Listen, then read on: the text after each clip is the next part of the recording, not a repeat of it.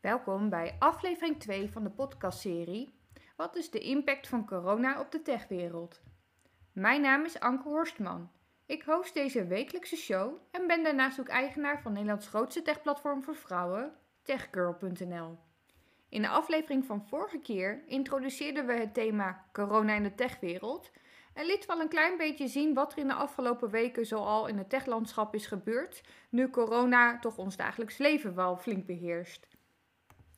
De aflevering van vandaag, podcast aflevering 2 dus, die staat in het teken van jouw setup, jouw gear, jouw thuiswerkplek. Want ja, je bent er vast al wel achter gekomen dat één dag werken achter je uh, keukentafel dat dat prima gaat. Maar ja, als je nu wekenlang achtereen achter dat tafeltje moet gaan zitten met die stoel of die kruk die net niet optimaal is, ja, daar krijg je rugpijn van, daar krijg je hoofdpijn van. Uh, en zo zijn er nog veel meer klachten die kunnen ontstaan als jij eigenlijk geen goede thuiswerkplek hebt.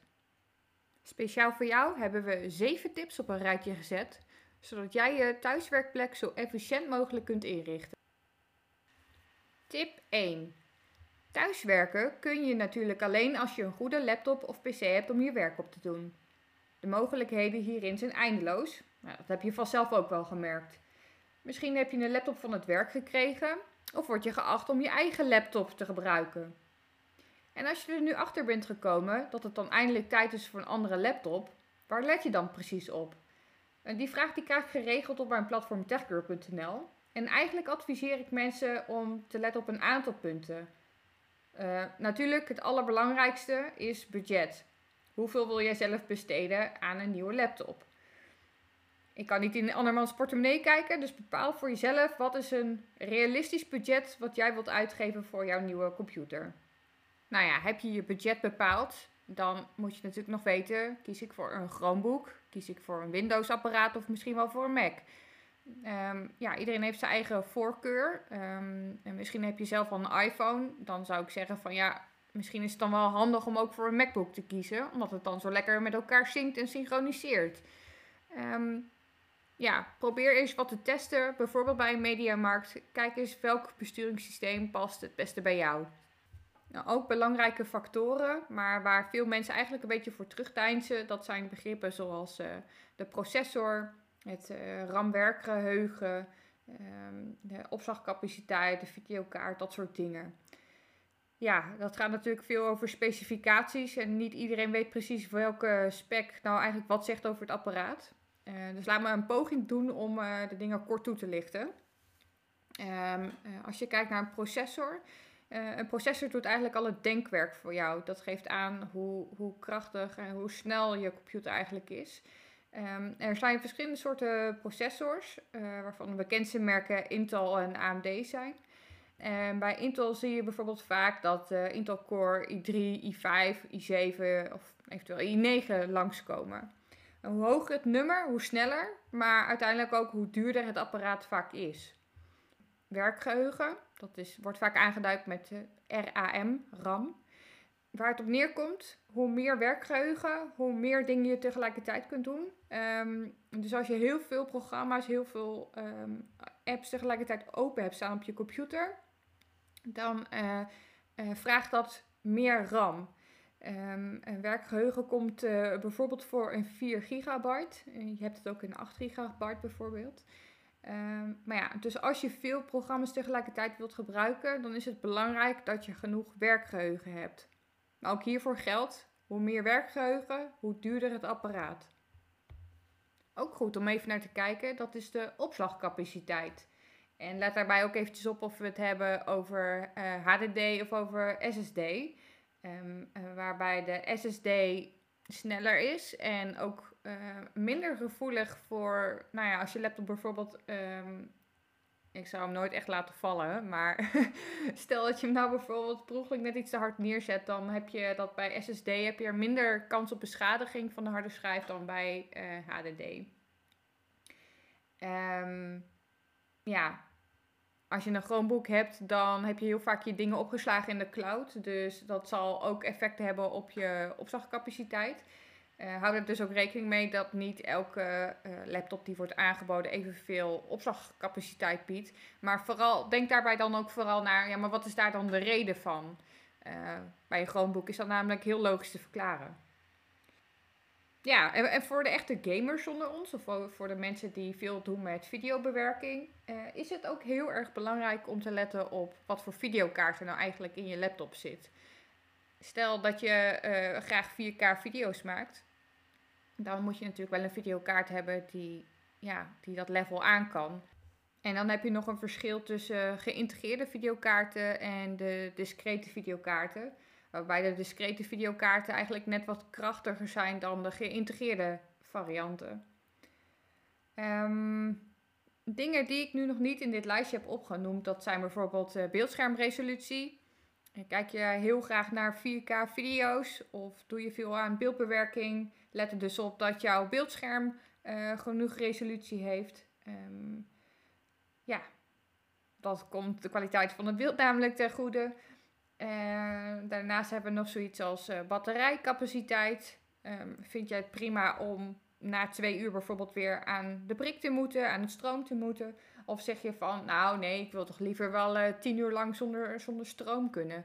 Nou, dat is dan ook een belangrijk criterium om mee te nemen. En tenslotte is design ook hartstikke belangrijk, want ja, wie wil er nou met zo'n lelijk bakbeest gezien worden? Zelf heb ik een prachtige HP Spectre ja, 4K laptop. Waar ik zoal deze podcast mee edit, maar ook uh, veel doe met Premiere Pro. Ja, voor mij is dit echt een, uh, een heel prettig apparaat om mee te werken. Zo, dat was tip 1. ik beloof je de volgende tips, die zullen iets compacter zijn. Tip 2 bijvoorbeeld. Een steady internetverbinding. Hoe zorg je daar eigenlijk voor? Um, allereerst kies je voor een slim pakket bij je internetprovider. Dat lijkt me logisch. Zelf heb ik 200 eh, mbit per seconde down en up. Um, wat al volgens mij iets beter is dan gemiddeld, maar het is, het is niet echt een extreme snelheid. Het ligt echt per persoon aan wat je nodig hebt. Ik doe zelf veel aan beeldbellen, aan Netflixen en ik heb ook geregeld video's die ik upload. Maar ja, daarentegen ben ik maar alleen en er zijn dus niet meerdere mensen die tegelijkertijd bandbreedte nodig hebben. Ligt jouw of jullie gebruik daarboven, dan ben je beter af met een zwaarder internetpakket. Belangrijk om in je oren te knuppen is dat um, als jij betaalt voor 200 mbit per seconde up en down, dan uh, hoeft dat niet te betekenen dat het wifi-signaal ook zoveel biedt bij jou in de woonkamer bijvoorbeeld. Ja, de provider die zorgt ervoor dat het internet binnen de router dat hij daar uh, binnenkomt. Dat doet hij bedraad. Um, maar ja, op dat moment moet uh, die router moet ervoor gaan zorgen dat het signaal draadloos door jouw huis wordt verstuurd. En daarbij moet hij obstakels nemen, zoals een muur, een deur, um, een koelkast. Misschien heb je dat wel tegen de muur aangezet, moeten daar ook nog doorheen. Ja, dat zal er toch voor gaan zorgen dat um, de draadloze variant van je internetverbinding uh, minder mbit per seconde aan kan dan de bedraden variant. Dus eigenlijk is de conclusie bij deze ook: uh, zorg ervoor dat je een internetkabel kunt trekken van uh, de router naar je computer toe. Voordat je die internetkabel legt, kun je natuurlijk ook altijd nog even een speedtest doen.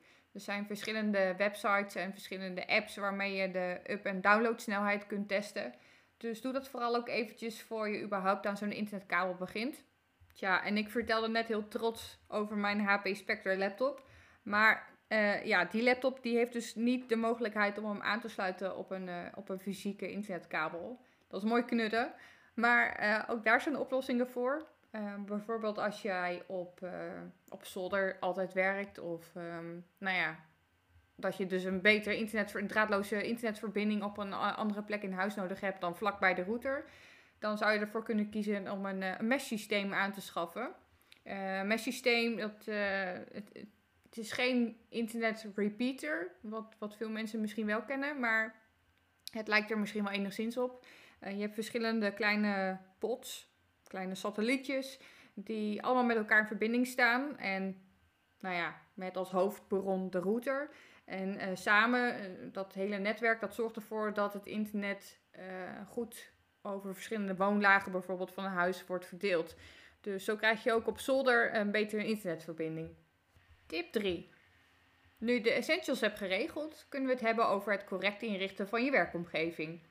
Heb je de mogelijkheid om gebruik te maken van een werkkamer, dan is dat uh, fantastisch natuurlijk. Je kunt overwegen om daar bijvoorbeeld een zit-sta-bureau in te zetten. Een elektronische variant of eentje met een handmatige slinger. En uh, ja, de simpele modellen die vind je bij de IKEA. Maar de betere kantoormeubilairbedrijven, daar vind je wat meer soorten en maten en heb je ook wat meer opties in kleur. En jij hebt hem vast wel eens voorbij horen komen, maar zitten is het nieuwe roken. En ik ben er ook eigenlijk heilig van overtuigd. Toen we in thuisisolatie zitten, bewegen we minder dan ooit. En ja, zorg dus dat je je werkplek dynamisch houdt, zodat je die bloedsomloop toch op gang houdt. Even staan, dan weer zitten, ehm, misschien voor wat langere tijd. Het maakt niet zo heel veel uit, maar zorg in ieder geval dat je niet voor uren achtereen op je kont blijft zitten. Dat is echt funest. Tip 4. En die valt eigenlijk een beetje in het verlengde van tip 3. Alleen deze tip kun je ook gebruiken zonder werkkamer, maar bijvoorbeeld ook gewoon aan de eettafel. Zorg voor een goede stoel.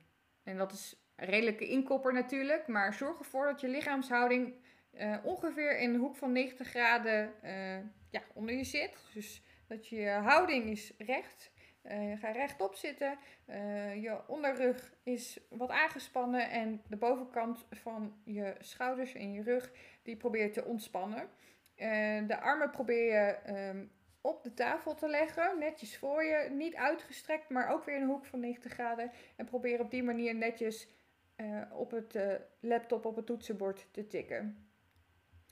Um, doe je dat niet, ga je bijvoorbeeld met een gebogen rug uh, heel erg met je nek vooruit, met je gezicht vooruit naar de laptop staren, dan kun je daar echt enorme hoofdpijn van krijgen. En uh, ja, helaas ben ik daar zelf ook een ervaringsdeskundige in. Dus zorg dat je daarin investeert. Uh, zorg dat je een goede ergonomische stoel vindt. waarbij je de armleuningen niet alleen in hoogte kunt verschuiven, maar bijvoorbeeld ook naar voren en naar achteren kunt bewegen. Ja, niet iedereen is hetzelfde gebouwd. Lijkt me ook vrij logisch. Dus het lijkt me ook een inkoppertje dat je ook je stoel uh, zo kunt aanpassen dat die echt op jouw lichaam um, uh, aangepast kan worden. En trouwens, wat veel vergeten wordt, uh, voor sommige mensen is het juist ook heel goed om een dynamisch zitvlak te hebben. dus dat je, die, dat je het zitvlak van je bureaustoel, dat dat eventueel een beetje meebeweegt naar achter en naar voren terwijl je aan het werk bent. Want anders krijgen deze mensen heel erg last van een ja, verstijfde onderrug en komen ze echt helemaal op slot te zitten. Ook dat lijkt me niet helemaal de bedoeling. Tip 5 van 7.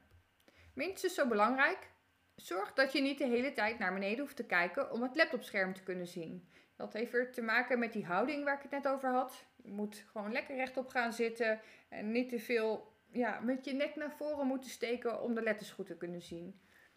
Uh, beter zet je dan het scherm neer op een hoogte waarbij je recht naar voren kunt kijken. Een uh, stapel boeken does the trick. Maar ja, bij een laptop is dat dan weer niet zo handig, want dan moet je weer de lucht in met je armen om het toetsenbord aan te raken.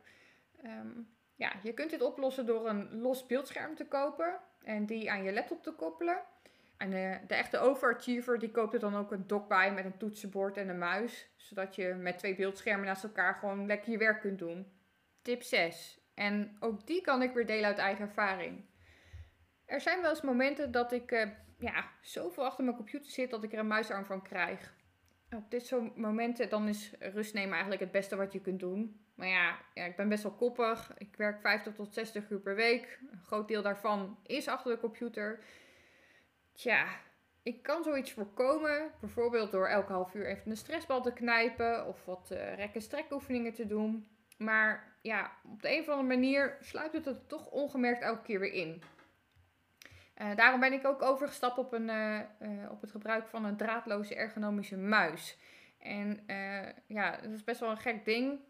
die schuif je dus niet alle kanten op, maar je zet hem neer op één vaste positie naast je, naast je laptop. En met de trackbal bovenop die muis, daar beweeg je eigenlijk mee. Met je, met je duim schuift dat ding alle kanten op. En een extraatje daarvan is trouwens ook, deze muizen kun je vaak ook in hoogte verstellen. Um, zodat je iedere keer een andere muishouding met je pols kunt aannemen. Dus zo voorkom je dan ook weer dat je op slot raakt. Echt een hele slimme uitvinding. Maar het kost wel enige uh, investering. Want volgens mij kost mijn muis iets van 150 euro. Dus dat moet je er wel voor over hebben. Tip 7. Ten slotte, om je gearset echt af te maken, zorg voor een goede hoofdtelefoon of een setje in-ears om je calls mee uit te voeren. De praktijk leert dat er veel achtergrondgeluid en ruis mee komt als je zonder belt. En dat is behoorlijk irritant voor degene die jou belt. Maar andersom is het ook niet handig, omdat je niet in volle focus kunt luisteren en kunt werken. Nou ja, en mocht je ook nog allemaal huisgenoten om je heen hebben, wat dacht je ervan om een lekker motiverend muziekje op te zetten, zodat je de rest niet hoort of je buren niet naar elkaar hoort trillen, uh, terwijl jij eigenlijk die ene deadline nog moet halen. Dus yes, sluit jezelf af. Hey, nou ja zeg, luister je nu nog steeds? Dan verdien je deze bonus tip van mij. Uh, na jarenlange oefeningen in het thuiswerken ben ik er wel achter gekomen dat uh, strak acht uur achter elkaar werken echt niet voor mij in ieder geval de oplossing is. Um, wat ik eigenlijk altijd adviseer aan ehm, mensen met wie ik samenwerk is luister naar je eigen lichaam. Neem een break als er niks uit je vingers komt. Um, vaak ben je productiever in de uren dat je wel echt aanstaat. Uh, dan dat je vanzelf uh, ja, jezelf door de dag heen loopt te martelen. Van 9 tot 5 werken, dat is persoonlijk niet echt mijn filosofie. Accepteer het van jezelf dat je die ene dag maar 5 uur echt productief bent. Maar maak er ook een knaldag van als je voelt dat je weer een paar uurtjes langer door kunt. daar word je namelijk volgens mij vrolijker van, energieker en het zorgt er mentaal voor dat je meer tot rust komt. Nou, dit was hem dan alweer. Een nieuwe aflevering van de Tech Girl podcast. Uh, binnenkort spreken we een aantal techgirls over hun ervaringen rondom corona in de techwereld. En wat dat binnen hun bedrijf eigenlijk betekent. Maar niet voordat we het de volgende keer over software hebben gehad. Om ja, het thuiswerken goed mee door te komen. Want met die tips kun jij nu zelf aan de slag. Stay home en stay safe. Tot de volgende keer. En heb je een vraag naar aanleiding van deze uitzending? Stel hem uh, op een van onze socials via @techgirlnl.